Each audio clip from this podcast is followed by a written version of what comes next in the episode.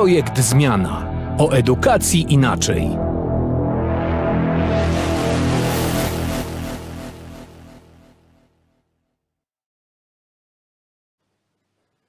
Archiwista logów życia, wizerzysta mediów społecznościowych, specjalista do spraw detoksu cyfrowego.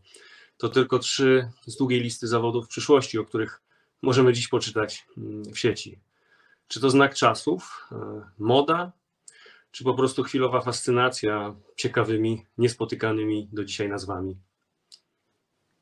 E, tym, e, tymi pięknymi określeniami, tak naprawdę, które za chwilę rozwiniemy, wprowadziłeś nas, Arturze, do bardzo ciekawego świata zjawisk i trendów, które dzisiaj definiują rzeczywistość. Można powiedzieć, by, że definiują rynek pracy, ale definiują całą rzeczywistość, nawet ten wymiar, wiadomo, że też społeczny. E, dzisiaj zatem przyjrzymy się temu właśnie, jak, e, jak dzisiaj żyć w tym świecie edukacji. E, postawimy sobie pytania, czy wygramy z robotami i w ogóle, jak nauczyciel w świecie zawodów przyszłości może sobie dzisiaj radzić, poradzić, jak może pracować. Dzień dobry, Arturze. Dzień dobry, Octavio. Dzień dobry Wam wszystkim, dzień dobry Państwu. Witamy w drugim podcaście projektu Zmiana, czyli o edukacji inaczej.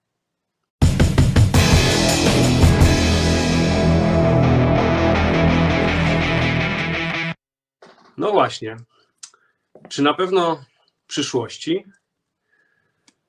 Przecież już dziś dzwonią do nas boty, nawet jak chcemy wysłać paczkę kurierską, to spotykamy się ze sztuczną inteligencją, która prowadzi nas przez ten proces zamawiania konkretnej, konkretnej usługi, prawda? Bardzo często wchodząc na różne strony internetowe zaczepia nas albo jakiś awatar, albo, albo jakiś jakiś element sztucznej inteligencji, który obsługuje, obsługuje czat służący do komunikacji e, danej firmy e, z klientami, prawda? Już dzisiaj możemy w dowolny sposób, w dowolnym miejscu na świecie korzystać z, ze słowników, z tłumaczeń, które w sposób no, taki interaktywny bardzo i, i w czasie rzeczywistym tłumaczą nam język obcy i ułatwiają komunikację. Zresztą to dzisiaj chyba Cię dotyka, bo bo, bo jesteś dzisiaj w Hiszpanii, nadajesz z Hiszpanii i, i pewnie będą takie sytuacje, kiedy warto e, z tych wszystkich, z tych wszystkich usług e, skorzystać, żeby po prostu się, się komunikować. Zresztą to, że dzisiaj pracujemy w taki sposób, e, będąc, będąc w tej chwili w,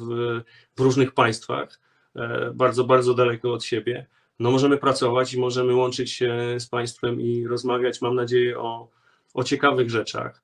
E, ten ostatni czas, czas pandemiczny też dowiódł, jak istotną rolę odgrywa technologia. No i w sumie strach pomyśleć, co by było, nie wiem, gdyby taki kataklizm jak, jak, jak pandemia e, spadł na nas 15 lat temu, kiedy tych wszystkich narzędzi i udogodnień i ulepszeń, e, ulepszeń nie było obecnych w naszym, w naszym życiu. Wszystko wskazuje dzisiaj, Oktawia, że mm, ten nasz świat tak będzie wyglądał. E, że, że to jest ta droga i że to wszystko, co nas otacza i to tempo zmian wokół nas, ono będzie wyznaczać rytm naszego życia i rytm naszej pracy. No i teraz myślę sobie, że dzisiaj warto, abyśmy trochę porozmawiali, zastanowili się wspólnie nad tym, jak ta nasza praca będzie wyglądała, jak będzie wyglądała nasza pra praca naszych uczniów, no bo w końcu jesteśmy, w, jesteśmy osobami, które, które adresują ten przekaz głównie do nauczycieli, do dyrektorów szkół, do ludzi, którzy pracują z dziećmi i z młodzieżą. E, powiedziałeś o bardzo ważnym wątku pandemii. Pandemia jest jednym z tych zjawisk, które zjawisk czy takich czynników, które bardzo mocno wpływają na naszą rzeczywistość można powiedzieć, że od e, zeszłego roku po prostu determinują wiele, wiele rzeczy, które dzieją się właśnie i na rynku pracy, ale też w naszym, e, w naszym życiu. Tak jak powiedziałam też e, wcześniej, że wszystko to, co nas dotyka, to, co dzieje się na zewnątrz, no to nie tylko dotyczy właśnie pracy czy tych zawodów, o których dzisiaj będziemy mówili, czyli o zawodach przyszłości, czy o tej naszej roli edukacyjnej. Co jest ważnego, my o zjawiskach, które wpływają na naszą rzeczywistość, możemy przeczytać innymi w raporcie Światowego Forum Forum Ekonomicznego. Ostatni raport pojawił się jesienią 2020 roku. Jego tytuł brzmi The Future of Jobs, ale oczywiście nie tylko dotyczy zawodów e, przyszłości czy tych profesji, które będą się rozwijały, które będą potrzebne. On właśnie mówi choćby o tym, jakie zjawiska, jakie trendy, co wpływa, co determinuje tę naszą rzeczywistość. I oczywiście e, wśród, wymieniłeś już kilka tych, e, tych rzeczy, tych zjawisk. Na pewno sztuczna inteligencja, automatyzacja, w ogóle taki bardzo dynamiczny rozwój świata cyfrowego, technologii, która sami już obserwujemy, że bardzo mocno jest obecna w naszym życiu. E, To jest jakby jedna część. Będziemy też do, będzie nas też dotykało oczywiście choćby problem zmian klimatycznych, o których mówi się coraz głośniej, czy starzejące się e, społeczeństwa. E, Myślę też, że dzisiaj ważne, wracam znowu do wątku tego cyfrowego, ważne jest też to, żebyśmy w edukacji w ogóle wiedzieli, czym jest edtech na przykład, czyli technologie dla edukacji, żebyśmy też wiedzieli, że jest coś takiego jak fintech, czyli technologie dla tego świata e, finansowego. E, Dlaczego to jest ważne? Dlatego, że edukacja powinna troszeczkę, no właśnie, wyprzedzać pewne rzeczy. Być może my nie wygramy właśnie e, walki w cudzysłowie na, na jakieś trendy, ale edukacja powinna być takim miejscem, które właśnie przygotowuje młodego człowieka do tego, żeby radził sobie e, w tym zmieniającym się dynamicznie świecie. I, dla, i dlaczego, dlaczego edukacja jeszcze jest ważna, dlaczego my też dzisiaj o tym rozmawiamy? Dlatego, że te zjawiska, e, te trendy, te wszystkie czynniki takie zewnętrzne, które wpływają na naszą rzeczywistość, one też przynoszą wiele dylematów, wiele pytań, wiele powiedziałabym napięć, a nawet konfliktów. I takie główne pytanie, które ja zawsze wyciągam dla siebie i które też pojawia się w wielu rozmowach, to jest pytanie o naszą rolę, o rolę człowieka w ogóle. I właśnie to, co my dzisiaj zasygnalizowaliśmy na początku, czy my wygramy z robotami, powiem więcej, jaka też będzie nasza rola nauczycieli. No właśnie, ja bym, ja bym chciał jeszcze w duchu tych pytań, bo, bo oczywiście ważne jest to, co mówisz, ale na pewno, na pewno też spotykasz się z pytaniami, pracując z nauczycielami, rozmawiając z nimi e, na różnych spotkaniach, czy też pracując warsztatowo po prostu, e, z pytaniami, no dobrze, dobrze, ale jak już tej technologii jest tak dużo wokół, jak, jak, jak mamy taki przesyt i przez te komórki się komunikujemy i te okropne platformy do komunikowania się i to, że nie widzimy dzieciaków i w ogóle nie mamy z nimi kontaktu, no czy to naprawdę znaczy, że nie wiem, roboty nas zastąpią, że nauczyciel, człowiek w ogóle przestanie być potrzebny? Czy, czy, czy, czy, powinniśmy się w końcu, nauczyciele pytają, czy powinniśmy się obawiać naszej pracy, no jeśli to tak jest, że, że, że, ta technologia może być tak silna, tak mocna, samoucząca się technologia, która będzie się rozwijać cały czas, wejdzie do naszego życia, no to, no to, no to jak? To my będziemy, to my będziemy, e, to my będziemy potrzebni? No i teraz patrząc na to, co się dzieje wokół, zastanawiając się oczywiście nad, nad, nad odpowiedzią, którą, którą pewnie znamy e, i, i która dzisiaj, dzisiaj padnie, e, no to musimy zwracać uwagę na to, że po pierwsze, jakby człowiek jest najważniejszy w tym całym procesie. Znaczy, niezależnie od tego, jak ta technologia będzie się rozwijać, jak dużo jej będzie, to jednak gdzieś te, ta narracja, ta opowieść, ta, ta, ta tkanka ludzka i odpowiedzialność za budowanie postaw, które tutaj jakby zawsze będziemy stawiać pewnie na, na pierwszym miejscu, no jest po stronie człowieka, jest, jest po prostu nasza, maszyny za nas tego, tego pewnie, pewnie nie zrobią. Pewności nie mamy, ale, ale tak mi się wydaje, że ten humanistyczny element gdzieś, gdzieś musi zostać i to on mu- musi być tym wiodącym i kluczowym. Zresztą ja bym powiedział tak, że dzisiaj też jak obserwuję rzeczywistość wokół, to mam wrażenie, a w zasadzie widzę to na co dzień, że z jednej strony dochodzi do pewnego renesansu profesji, które jeszcze kilka lat temu wydawały nam się takie archaiczne i powiedziałbym takie zapomniane trochę. Mam tu na myśli zawody, które, które, które no dzisiaj rosną w siłę bardzo mocno. Nie wiem, barberzy na przykład, jako, jako, jako zawód, ale też jako usługa świadczona przez, e, przez zakłady, zakłady fryzjerskie, to, to, ta, to ten element z, z, branży, która no daje nam poczucie pewnego komfortu, pewnej estetyki, dobrze się czujemy, prawda? Zresztą w ogóle te zawody z tej kategorii, nie wiem, fryzjerzy, trenerzy personalni, e, gabinety kosmetyczne oblegane, nie tylko w czasie przedświątecznym, ale w ogóle przez, głównie przez kobiety. E, No to jest, to jest ten element e, i to są te zawody, które z jednej strony są oczywiście tradycyjne, bo przecież mają bardzo długą historię, a z drugiej strony no dzisiaj rosną bardzo na sile, bo pomagają nam po prostu czuć się, czuć się dobrze samemu ze sobą.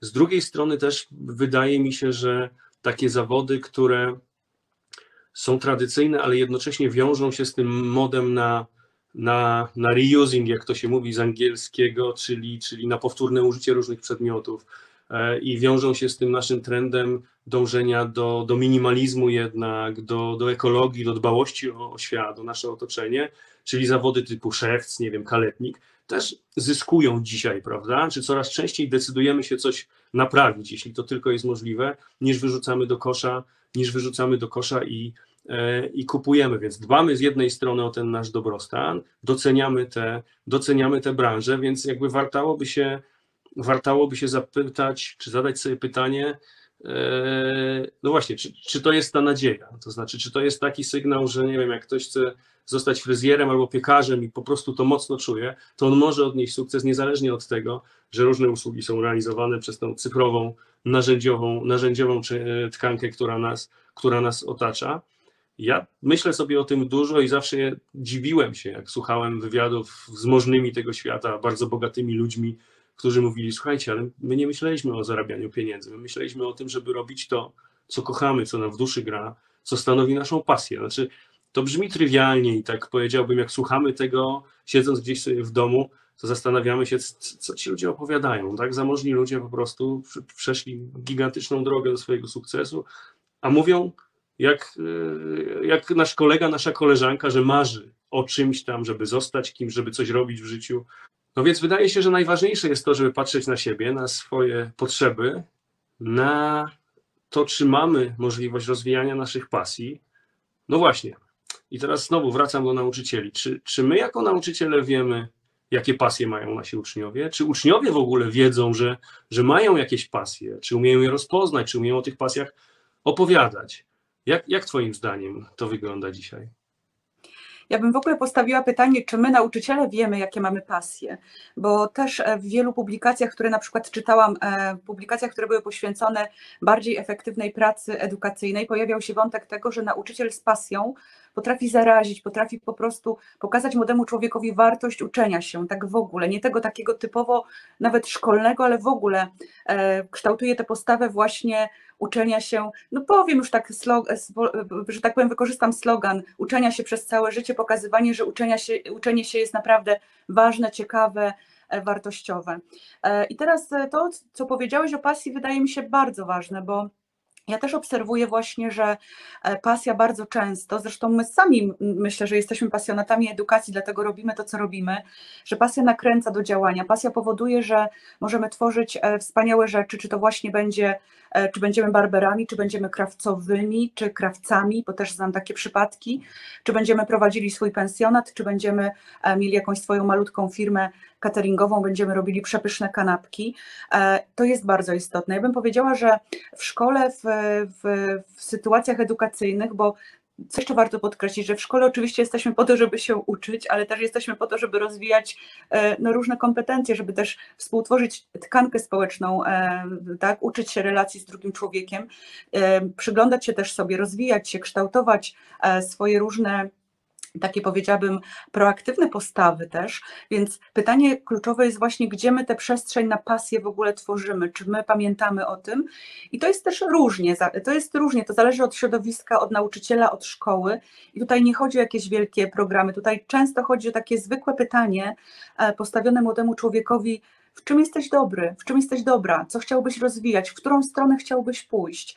E, i myślę sobie, że tego nam po prostu często brakuje, tego prostego pytania. My, i to jest znowu, to jest moje doświadczenie. Ja obserwuję, że bardzo często zatrzymujemy się na tym, co nam nie wychodzi, e, w czym no właśnie, nie jesteśmy najlepsi. E, To jest ta kultura przyłapywania na błędach, a właśnie gdyby odwrócić to myślenie, spojrzeć sobie na to, w czym jesteśmy dobrzy, e, co nam w duszy gra, co jest naszą pasją, dokąd chcielibyśmy pójść, nawet jeżeli to będą naprawdę jakieś em, przepiękne marzenia, ale ja wierzę w to, że marzenia są po to, żeby je oczywiście spełniać, a nie żeby czekać na, na gwiazdkę z nieba, tylko żeby pracować nad nimi, żeby je realizować. Więc ja zachęcałabym do tego, do, do stawiania tego pytania, do rozmowy z młodym człowiekiem.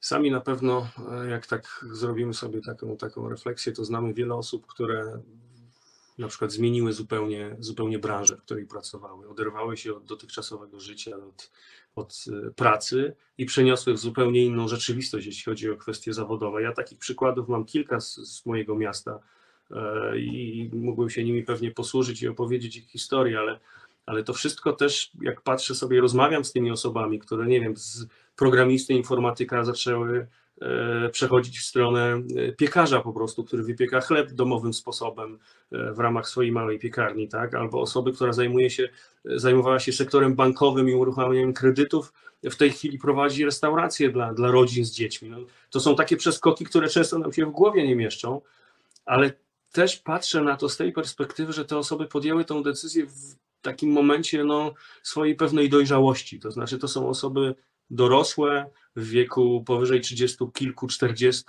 czasem 50 lat. I tak myślę sobie, że my oczywiście ucząc się przez całe życie dojrzewamy do takich, do takich momentów, kiedy podejmujemy różnego typu decyzje o zmianie. E, Natomiast czasami wydaje mi się, że to jest za późno. To znaczy, właśnie, że, że brak tej rozmowy, brak stawiania pytań, o których powiedziałaś, e, brak takiego, takiej uważności w tym, żeby kształtować w ludziach w ogóle kompetencje miękkie, które służą właśnie między innymi do podejmowania decyzji, do umiejętności podejmowania decyzji w danym momencie życia, no tego nam, tego nam brakuje i dziś coraz głośniej dlatego właśnie mam wrażenie mówi się o tych, o tych miękkich kompetencjach, prawda? E, Pierwsza rzecz to jest taka, że nigdy nie jest za późno, bo nawet ja jestem przykładem e, na to, że po 19 latach spędzonych w systemie e, można wyjść i w ogóle robić, no, działać też dla środowiska edukacyjnego, ale no, nie być dyrektorką szkoły czy nie być nauczycielką e, języka polskiego, więc nigdy nie jest za późno. E, Ale zgodzę się z Tobą, że oczywiście kompetencje miękkie, nazywane różnie zresztą, bo czasami mówimy o nich, e, nazywamy je kompetencjami życiowymi, przekrojowymi, kompetencjami przyszłości, one są kluczowe i właśnie według ekspertów i zresztą według też tego raportu Światowego Forum Ekonomicznego, po pierwsze my dzisiaj tak, mm, doświadczamy reskillingu. Ty trochę powiedziałeś o przebranżowieniu, ale ja jeszcze chcę wrócić do tego, że mamy zjawisko reskillingu, czyli w ramach nawet wykonywanej profesji zawodu, my będziemy zmieniali swoje umiejętności, będziemy uczyli się, oduczali, uczyli na nowo, a to jest bardzo trudne. No E, tak, ale ja z drugiej przepraszam, strony że ci wejdę w słowo, ale, ale mm, to tak jak kiedyś mówiło się, że, że jest zawód informatyk, prawda? I ten informatyk robił wszystko, projektował strony, dbał o utrzymanie, No- sie, utrzymanie sieci teleinformatycznej i, i był w stanie wyremontować kuchenkę mikrofalową, tak? dzisiaj Mówię tak. to z uśmiechem, ale, ale widzimy dzisiaj, co się stało z tym rynkiem właśnie.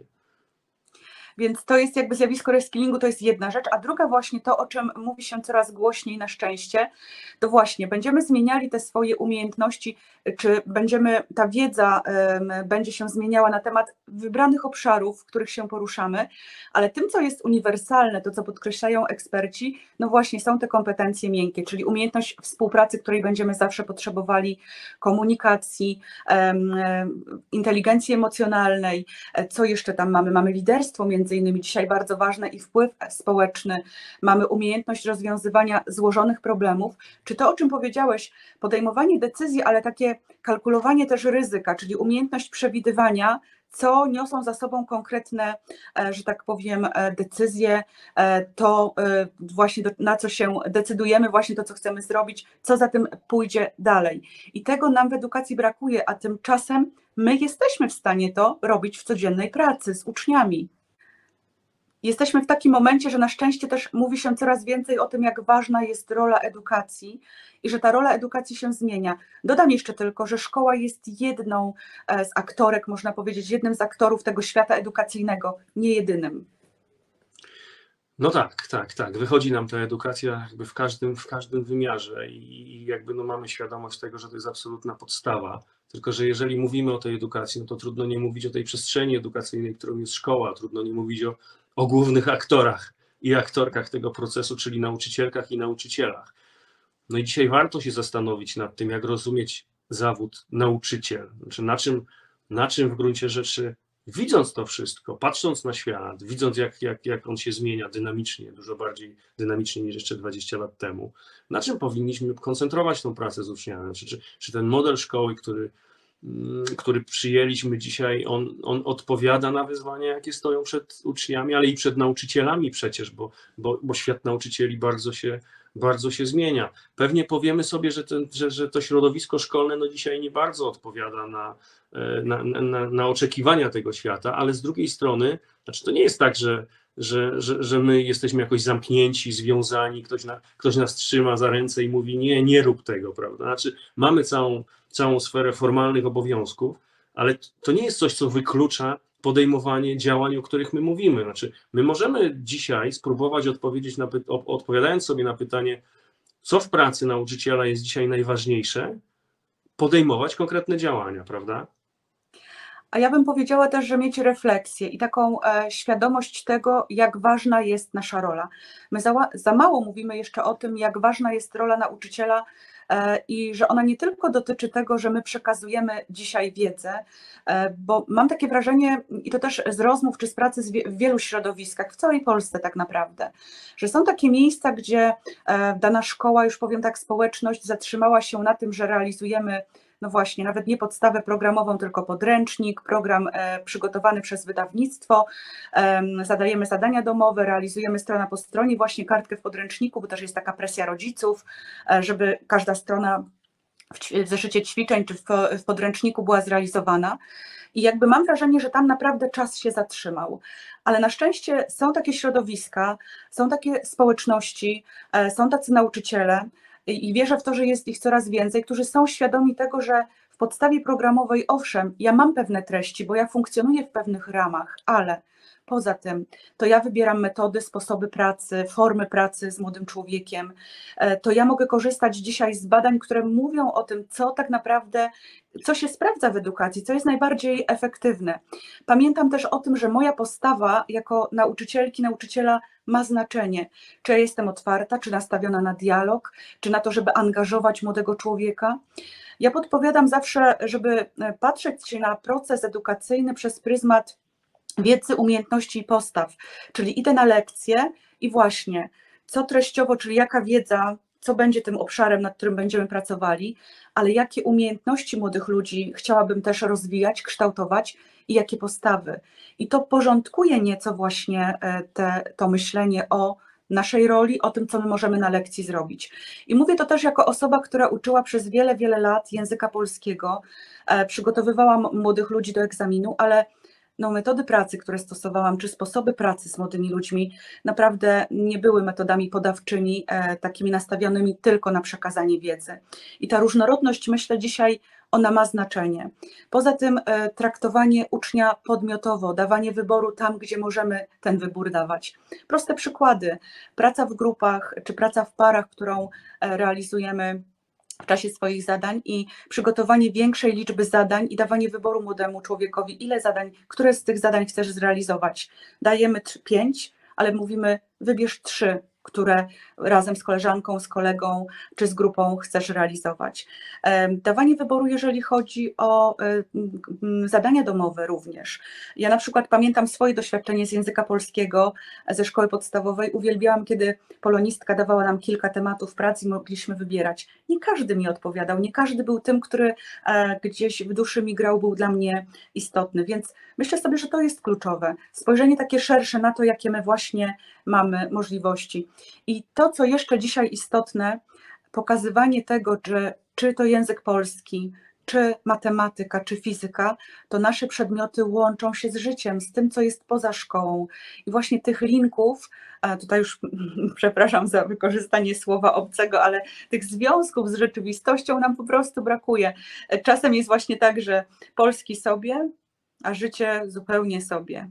A przecież my naprawdę możemy bardzo dużo w tych obszarach tutaj zdziałać.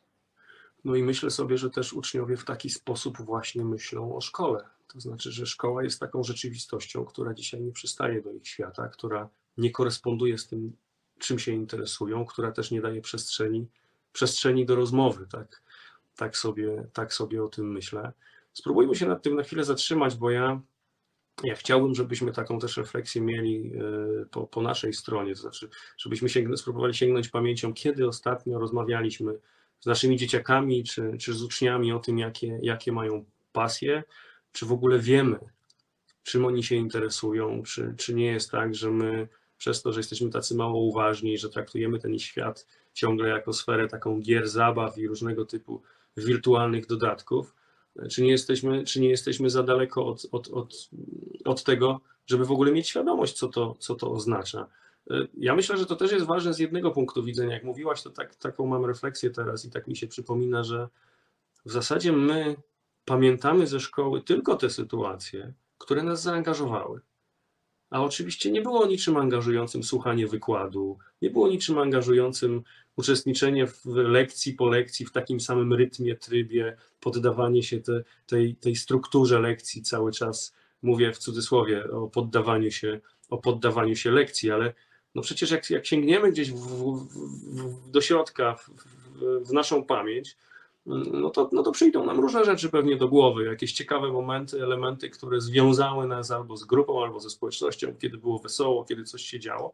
To wszystko oznacza, że musimy szukać sposobów na to, żeby tą młodzież naszą i te dzieciaki nasze aktywizować, żeby spróbować odczarować trochę ten, ten sposób przekazywania treści podczas lekcji, tak jak mówiłaś, pójść w stronę projektów, pójść w stronę w takiej pracy grupowej, dać wybór. No ale pytanie jest w istocie rzeczy takie, czy my dajemy sobie szansę, bo przeszkód możemy chyba ustalić, że nie ma. Znaczy szkoła nie przeszkadza w tym na pewno. Jeżeli ktoś przeszkadza, to nasza bierność w tej sprawie, tak bym powiedział, to, to, może, to może przeszkadzać. No i, no i jak, jak, jak to wygląda w ogóle? No ja mam swoje doświadczenia, ale chciałbym Cię zapytać o to znaczy, czy my, czy my wiemy, czy nauczyciele wiedzą, co interesuje uczniów?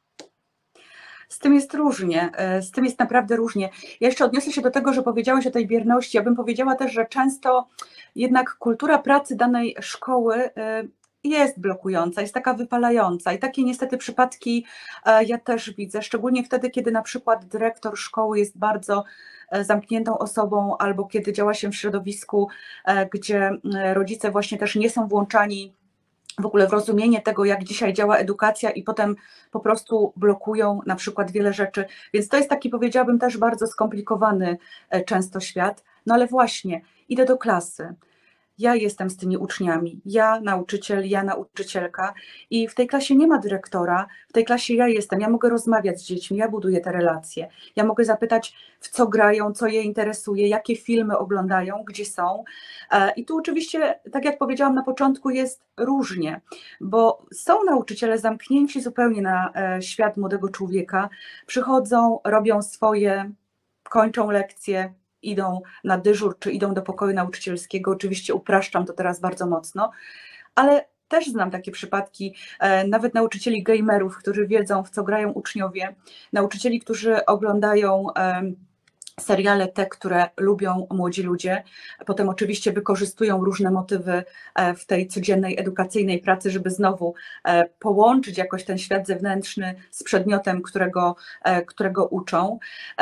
Znam osoby, które potrafią też, no właśnie, mają pasję zbliżoną do młodego człowieka, czy to będzie, nie wiem, escape room, czy to będzie świat TikToka, YouTube'a i potrafią, no właśnie, rozmawiać, bo to, co chcę podkreślić, to nie oznacza, że my mamy być tym kimś, kto po prostu, czyli oddech czują uczniowie na ramieniu, czyli nie mamy być inwazyjni w tym świecie, ale dobrze by było rozumieć, gdzie jest ten młody człowiek, e, no właśnie i co jest dla niego w ogóle ważne. No tak, co jest ważne? Ja jak rozmawiam z młodymi ludźmi, to wiem, że dla nich ważne jest to, żeby spełniać marzenia, a ich marzenia na przykład są takie, żeby zostać streamerką albo streamerem, wiesz. No i teraz e, jak my o tym myślimy w ogóle? Uśmiechasz się, ja, ja też się trochę Bo my też jesteśmy ale... takimi streamerami chyba w tej chwili. Tak, tak, w jakimś sensie tak, ale, ale ja, ja utożsamiam sobie w ogóle rolę i tą, tą, tą, tą pozycję, czy, czy tą postawę, o której oni mówią, z, w jakimś sensie z nową definicją twórcy, no bo przecież to jest tak, że, że jeżeli cokolwiek robi się w przestrzeni internetowej, udostępnia się te treści, które, które się wymyśla, produkuje, pisze, jak, jakkolwiek tworzy, no to to jest, to, to, to, to jest coś, co, co, co, co sprawia, że my stajemy się twórcami, twórcami, który może sięgnąć tą aktywnością swoją i wpływem swoim na, na bardzo wielu ludzi na całym świecie, niekoniecznie niekoniecznie e, dysponując jakimś gigantycznym zapleczem sprzętowym, prawda, infrastrukturą, wystarczy internet, smartfon i, i można rozmawiać z ludźmi z całego świata i, i produkować różnego typu materiały. No i właśnie ja się zastanawiam też, jak oni mi tak odpowiadają, czy oni w ogóle mają świadomość, też ci młodzi ludzie tego, że ta rola, którą, którą chcieliby pełnić, tak, o której marzą, ona, ona może być bardzo wartościowa, tak, że, że bycie twórcą w ogóle daje no, niezwykły przywilej raz dzielenia się swoją pasją oczywiście, ale z drugiej strony pobudzania zainteresowań innych, inspirowania innych. Ja myślę, że, że gdybyśmy na przykład zaczęli wzmacniać ten wątek i podnosić tą rolę streamera, streamerki i różnych innych profesji, o których oni mówią dzisiaj, mówię o naszych uczniach, to z tego by wyniknęło dużo dobrego. To znaczy, z jednej strony, że e, pojawiłaby się nam jakaś dyskusja, a z drugiej strony też dowiedzielibyśmy się bardzo dużo o tym, jak oni myślą o tych, o tych profesjach i moglibyśmy też ich zainspirować. Myślę, że to zresztą możemy nawiązać do tego, co robią dorośli ludzie dzisiaj, bo przecież coraz częściej odchodzimy od nazwijmy to tradycyjnych mediów do internetu, prawda? No przykłady można mnożyć. Nie wiem, jakbym miał się zastanowić, Robert Makłowicz, słynący z tego, że fantastycznie gotuje i pięknie jeszcze opowiada w różnych okolicznościach przyrody na ten temat, e, w tej chwili całkowicie e, zszedł z przestrzeni telewizyjnej e, do przestrzeni, do przestrzeni internetowej. Nie wiem, rosną nam ostatnio rozgłośnie radiowe, internetowe, nie wiem, Radio Nowy Świat, Radio 357, różnego typu usługi streamingowe. Oni bazują wyłącznie na na internecie, prawda? Ten internet mamy, mamy wszędzie, mamy go w samochodzie, mamy, mamy jakieś podcastowe i streamujące serwisy, które obsługują nas w tym, w tym zakresie. No ten świat się, ten świat się zmienił, ale przecież nie można powiedzieć, że, że jest gorzej. No, no jest w pewnym sensie wygodniej, prawda? Oczywiście można mówić, ja często o tym mówię, że straciliśmy taki element, kiedy nie wiem, 25 lat temu szedłem do sklepu, kupowałem kasetę mojego ulubionego zespołu, otwierałem tą kasetę z foliki, odwijałem, słuchałem muzyki, patrzyłem na książeczkę pełną treści, no i wąchałem ten, ten zapach drukarni taki świeży, który, który gdzieś towarzyszył tym wszystkim moim, moim odsłuchaniom. Dzisiaj, dzisiaj z kolei e, buduję swoje, swoje playlisty e, z pojedynczych utworów, a nie z całych płyt. Dzisiaj mam możliwość wybierania sobie tego, co mi odpowiada w danym momencie, a niekoniecznie dokonywania wyboru całego jakiegoś albumu, który być może nie do końca, nie do końca był dobry. Nie oceniam tego, nie, nie, nie, nie ważę, nie stawiam na szali, natomiast mam wrażenie, że jeżeli my w takim duchu będziemy rozmawiać e, z młodymi ludźmi, to po pierwsze my się przekonamy, że ten cyfrowy świat jest dla nas możliwością, a nie zagrożeniem, bo tak myślę, często myślimy, a po drugie, zdamy sobie sprawę, że to ten cyfrowy świat i to, co nas otacza w kontekście cyfrowym, no będzie decydowało o tym, co ci młodzi ludzie i jak ci młodzi ludzie w dorosłym życiu będą, będą funkcjonować. Dlatego dodam jeszcze, że to nie jest lepszy, gorszy świat, moim zdaniem. On jest inny. On jest różnorodny, on daje możliwości. Wiadomo, że przynosi różne wyzwania i zagrożenia, ale tym bardziej to, o czym dzisiaj mówimy, ten wymiar ludzki, budowania świadomości, jest bardzo, bardzo ważne.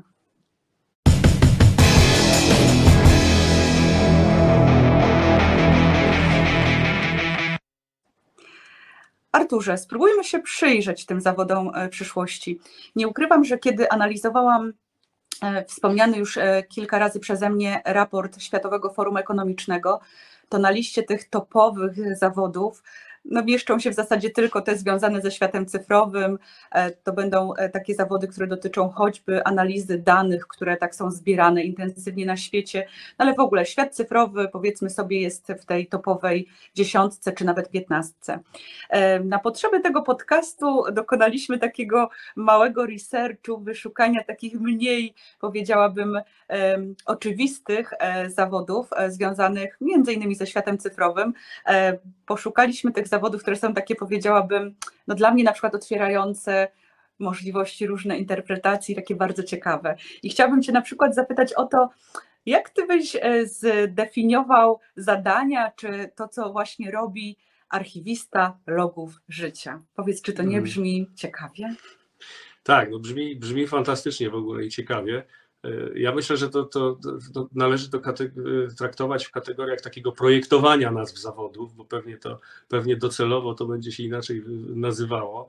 Ale, ale jeśli chodzi o aktywist, archiwistę logów życia, no to ja bym powiedział tak, z jednej strony zawód przyszłości, a z drugiej strony jest tak, że już dzisiaj wszyscy nas obserwują w sieci, prawda? Znaczy my, my, jesteśmy, my jesteśmy w sytuacji, w której mm, serwisy których używamy, mogą nam pokazać, co dokładnie kiedy robiliśmy z, e, z danymi dotyczącymi dnia, godziny i w ogóle jakby wszystkich szczegółów, prawda?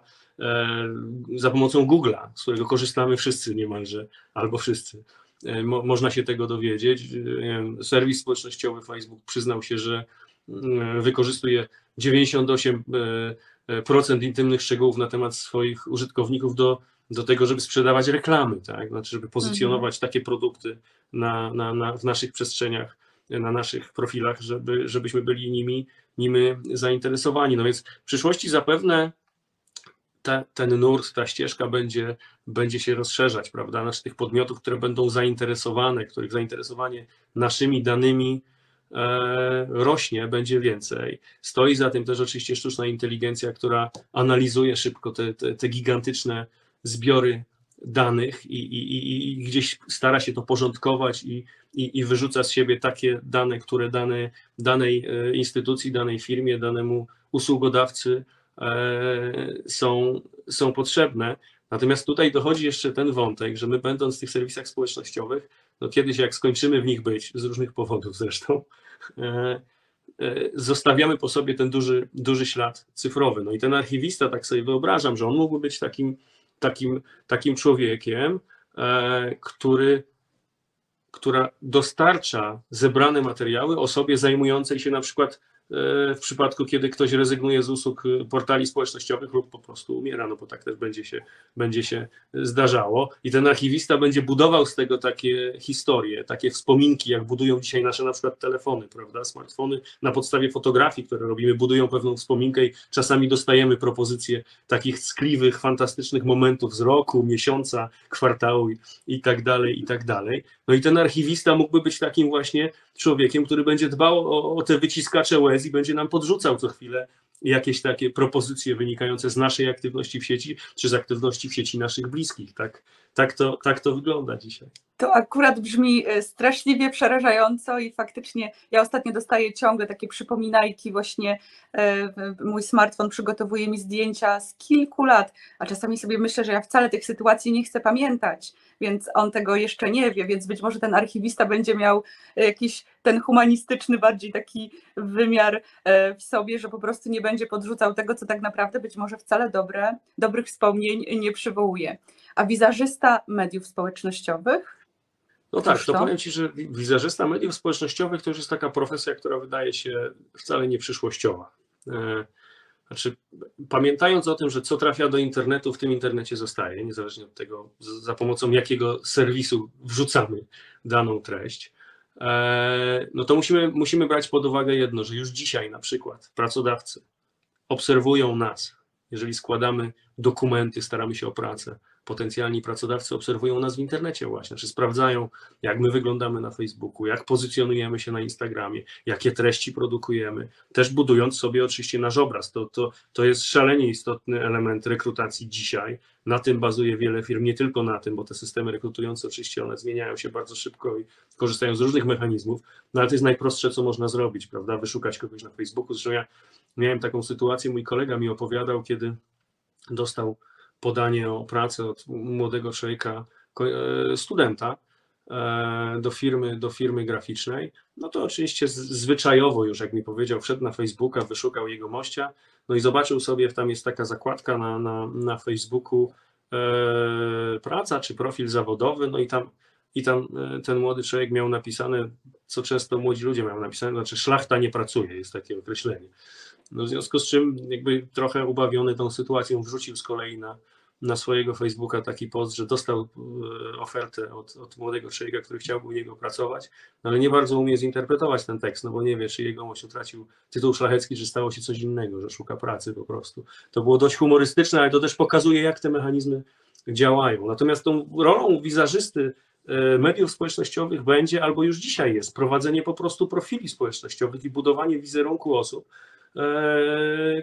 które chcą tak, a nie inaczej wypadać w internecie. Znaczy, to jest normalna usługa, z której dzisiaj korzystają znane osoby, znane postaci, e, z powodzeniem się, się sprawdza. W Polsce bardzo często y, politycy też korzystają z takich usług i, i, posiadają swój profil prywatny, który sami prowadzą, ale posiadają też profil publiczny i zatrudniają tego ludzi, żeby ten profil publiczny pokazywał ich w dobrym czy też lepszym, lepszym świetle. Mhm.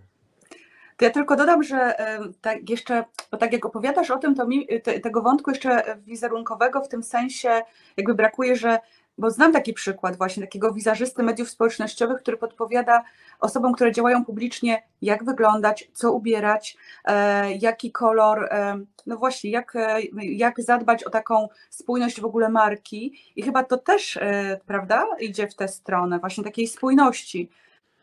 No tak, zgadzam się. Zresztą to nic nowego. Od dłuższego czasu już e, jesteśmy świadkami tego, że wokół nas funkcjonują ludzie, którzy odpowiadają za nasz wizerunek. Ja sam wiele lat temu już miałem okazję uczestniczyć w szkoleniach, które, dzięki którym mogłem się nauczyć, jak się komunikować podczas mojej pracy, pracy warsztatowej z ludźmi, jak gestykulować, jak wykorzystać ten element ciszy podczas szkolenia. Tu dużo jest elementów, prawda? Koszyczek, nie koszyczek, pozycja zamknięta, otwarta, różne rzeczy. E, Ale to jest przecież, to, to jest ta rzeczywistość, tylko ona została przeniesiona do, do sieci, do, do tej przestrzeni, w której my jesteśmy dzisiaj, dzisiaj najbardziej aktywni, no po prostu i, i tyle. Zależy nam na tym, żeby dobrze wyglądać nie tylko po wyjściu od fryzjera, ale żebyśmy dobrze wyglądali, wyglądali na Instagramie e, czy na Facebooku. No po prostu tak jest. Natomiast teraz powiem tak, to ja cię o coś zapytam, bo ten wizerzysta mediów społecznościowych, e, czy też archiwista to są takie nowe typy zawodów, a, ale wśród tych typów jest wymieniany też taki zawód, który mieni się określeniem nostalgista, czyli brzmiącym dosyć, powiedziałbym, historycznie, wspominkowo. Kto to jest ten nostalgista? Znaczy powiem tak, że kiedy po raz pierwszy y, usłyszałam y, właśnie określenie, czy takie mm, określenie profesji właśnie nazwane nostalgistą, to pomyślałam sobie, że to jest właśnie ktoś, kto być może przygotowuje jakieś wspominki dla rodziny, e, tworzy jakieś materiały, może nawet książkę e, taką e, właśnie poświęconą gdzieś naszemu życiu e, przygotować. Nawet może to być e-book, czy taka tradycyjna, czy właśnie pójść w tę w tę stronę takich historii z naszego życia. No ale nie ukrywam, że spojrzałam, któż to taki. To jest bardzo ciekawe, bo wydaje mi się, że to jest nowe określenie na e, projektanta wnętrz e, z jednej strony. Nostalgista, jeżeli będziemy mieli ochotę wrócić w czasie e, i przygotować swoje mieszkanie właśnie pod, pod kątem wybranej dekady, chciałabym powiedzieć epoki, ale tutaj bardziej dekady z naszego życia, czyli chcielibyśmy mieć mieszkanie e, ala lata 80., czy 70., czy 90., to nostalgista służy nam pomocą. E, Mówię to i się zastanawiam w ogóle, czy ja bym chciała wrócić, skorzystać z takich usług nostalgisty i odpowiem za siebie, że nie. Bo nie wyobrażam sobie takiego powrotu, jakiegoś po- powrotu do przeszłości, gdzieś zatrzymania się w tym wszystkim, ale no przypuszczalnie są osoby, które gdzieś to lubią, tego potrzebują, więc ten zawód jest odpowiedzią na taką, na taką potrzebę.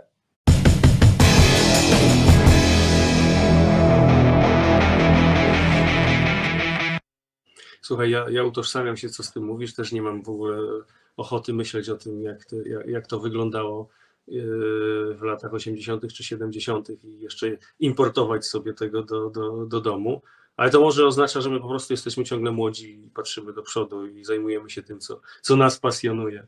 E, Ale już tak poważnie, mm, niezależnie od tego, jak, jak nazwiemy sobie te zawody, prawda, one, one mają bardzo różne nazwy i jak bardzo ten cyfrowy wymiar otaczającego nas świata będzie, będzie generował nasze aktywności, będzie powodował, że będziemy się zajmować takimi czy innymi, czy innymi rzeczami, no to jednak zawsze my będziemy potrzebni do tego, żeby te treści tworzyć, tak? Żeby, żeby no przecież ktoś musi opowiadać historię, tak? Ktoś, ktoś musi dzielić się, dzielić się pasją, w tym muszą być emocje, w tym muszą być uczucia po prostu. To dlatego, dlatego, dlatego mówiliśmy, że nas angażuje coś, co, co, co pamiętamy, no bo tam były emocje, tam były, tam były uczucia.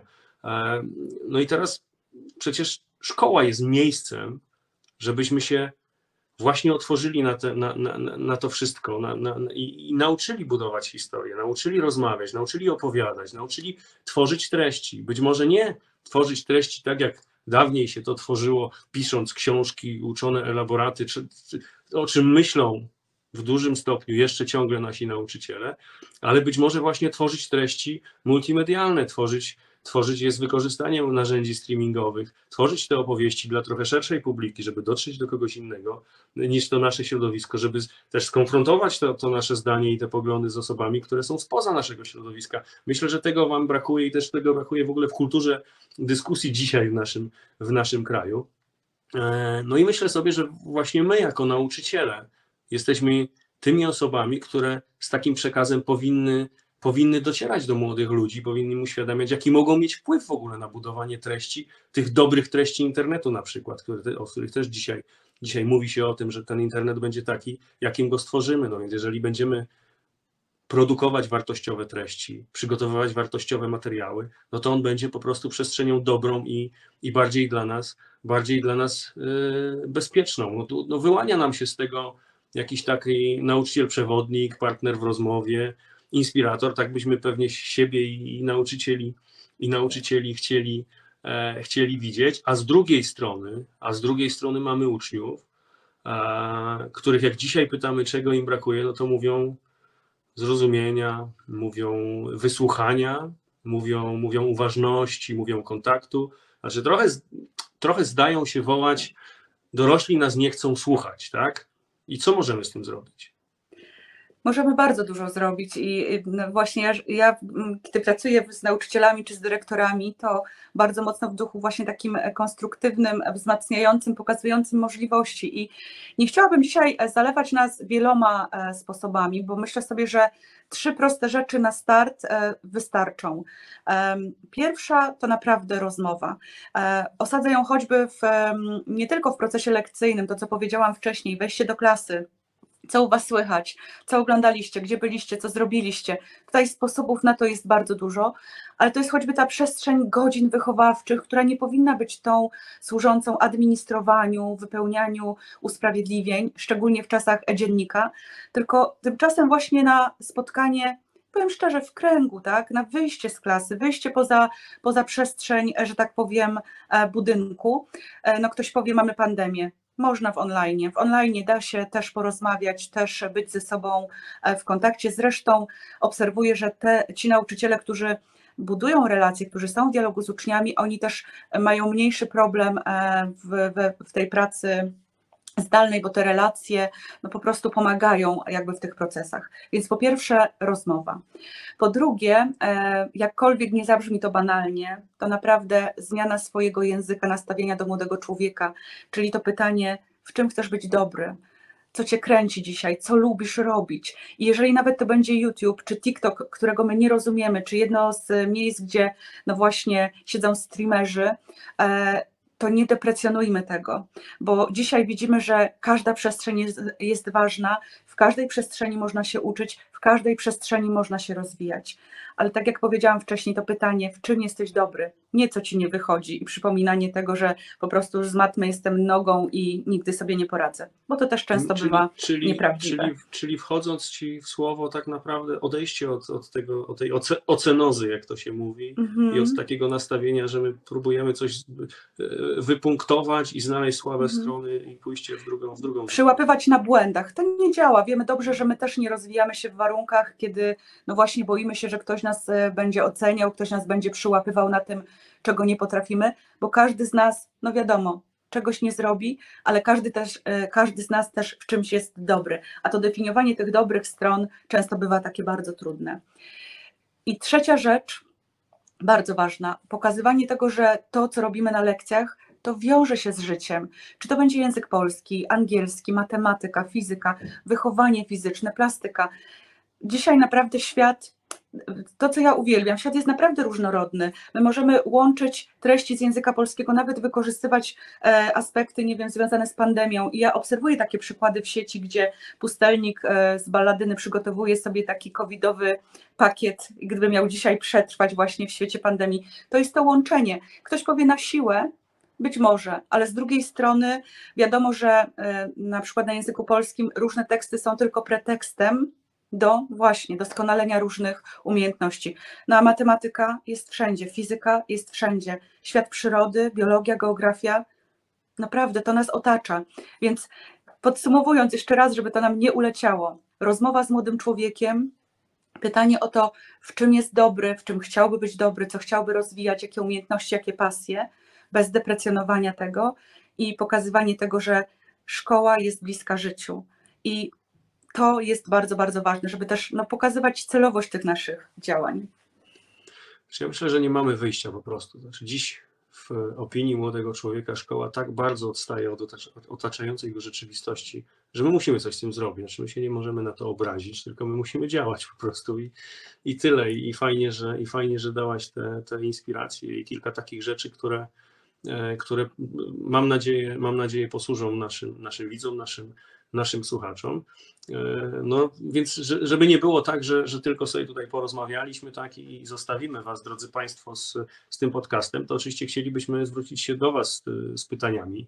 E, Pierwsze z nich, co, co zabieracie ze sobą z tego podcastu i, i od czego zaczniecie rozmowę e, z Waszymi uczniami? Jeśli ją zaczęliście już, to też dajcie znać tutaj na dole e, w komentarzach pod naszym nagraniem, bo to dla nas będzie na pewno bardzo cenne i chętnie, chętnie poczytamy, chętnie też podzielimy się z innymi waszymi, waszymi doświadczeniami. Napiszcie też, wokół jakich wątków w ogóle prowadzicie dyskusję w klasie, bo to też może być ciekawe. My wy, wyskubaliśmy, wyszukaliśmy gdzieś taki temat dzisiaj, ale przecież tych wątków może być mnóstwo, to mogą być zupełnie inne rzeczy, którymi też, jak się podzielimy, możemy, możemy się wspólnie inspirować. Wróćcie do nas w komentarzach. My obiecujemy, że żaden z nich nie pozostanie bez, naszego, bez naszej odpowiedzi, bez, naszej, bez naszego kontaktu. No i co, Oktawio?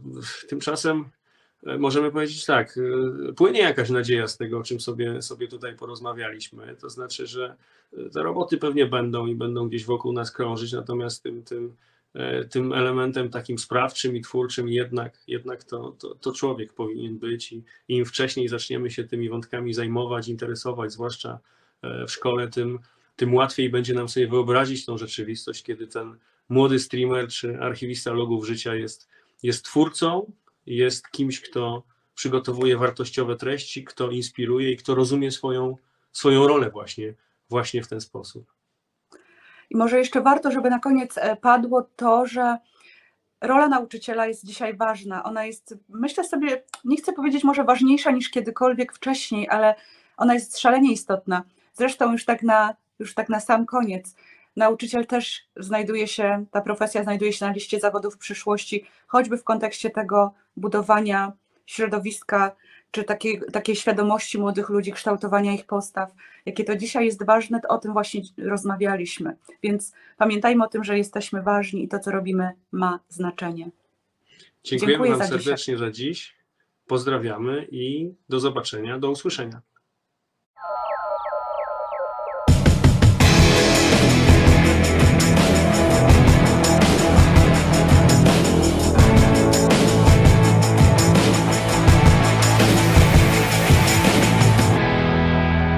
Projekt Zmiana o edukacji inaczej.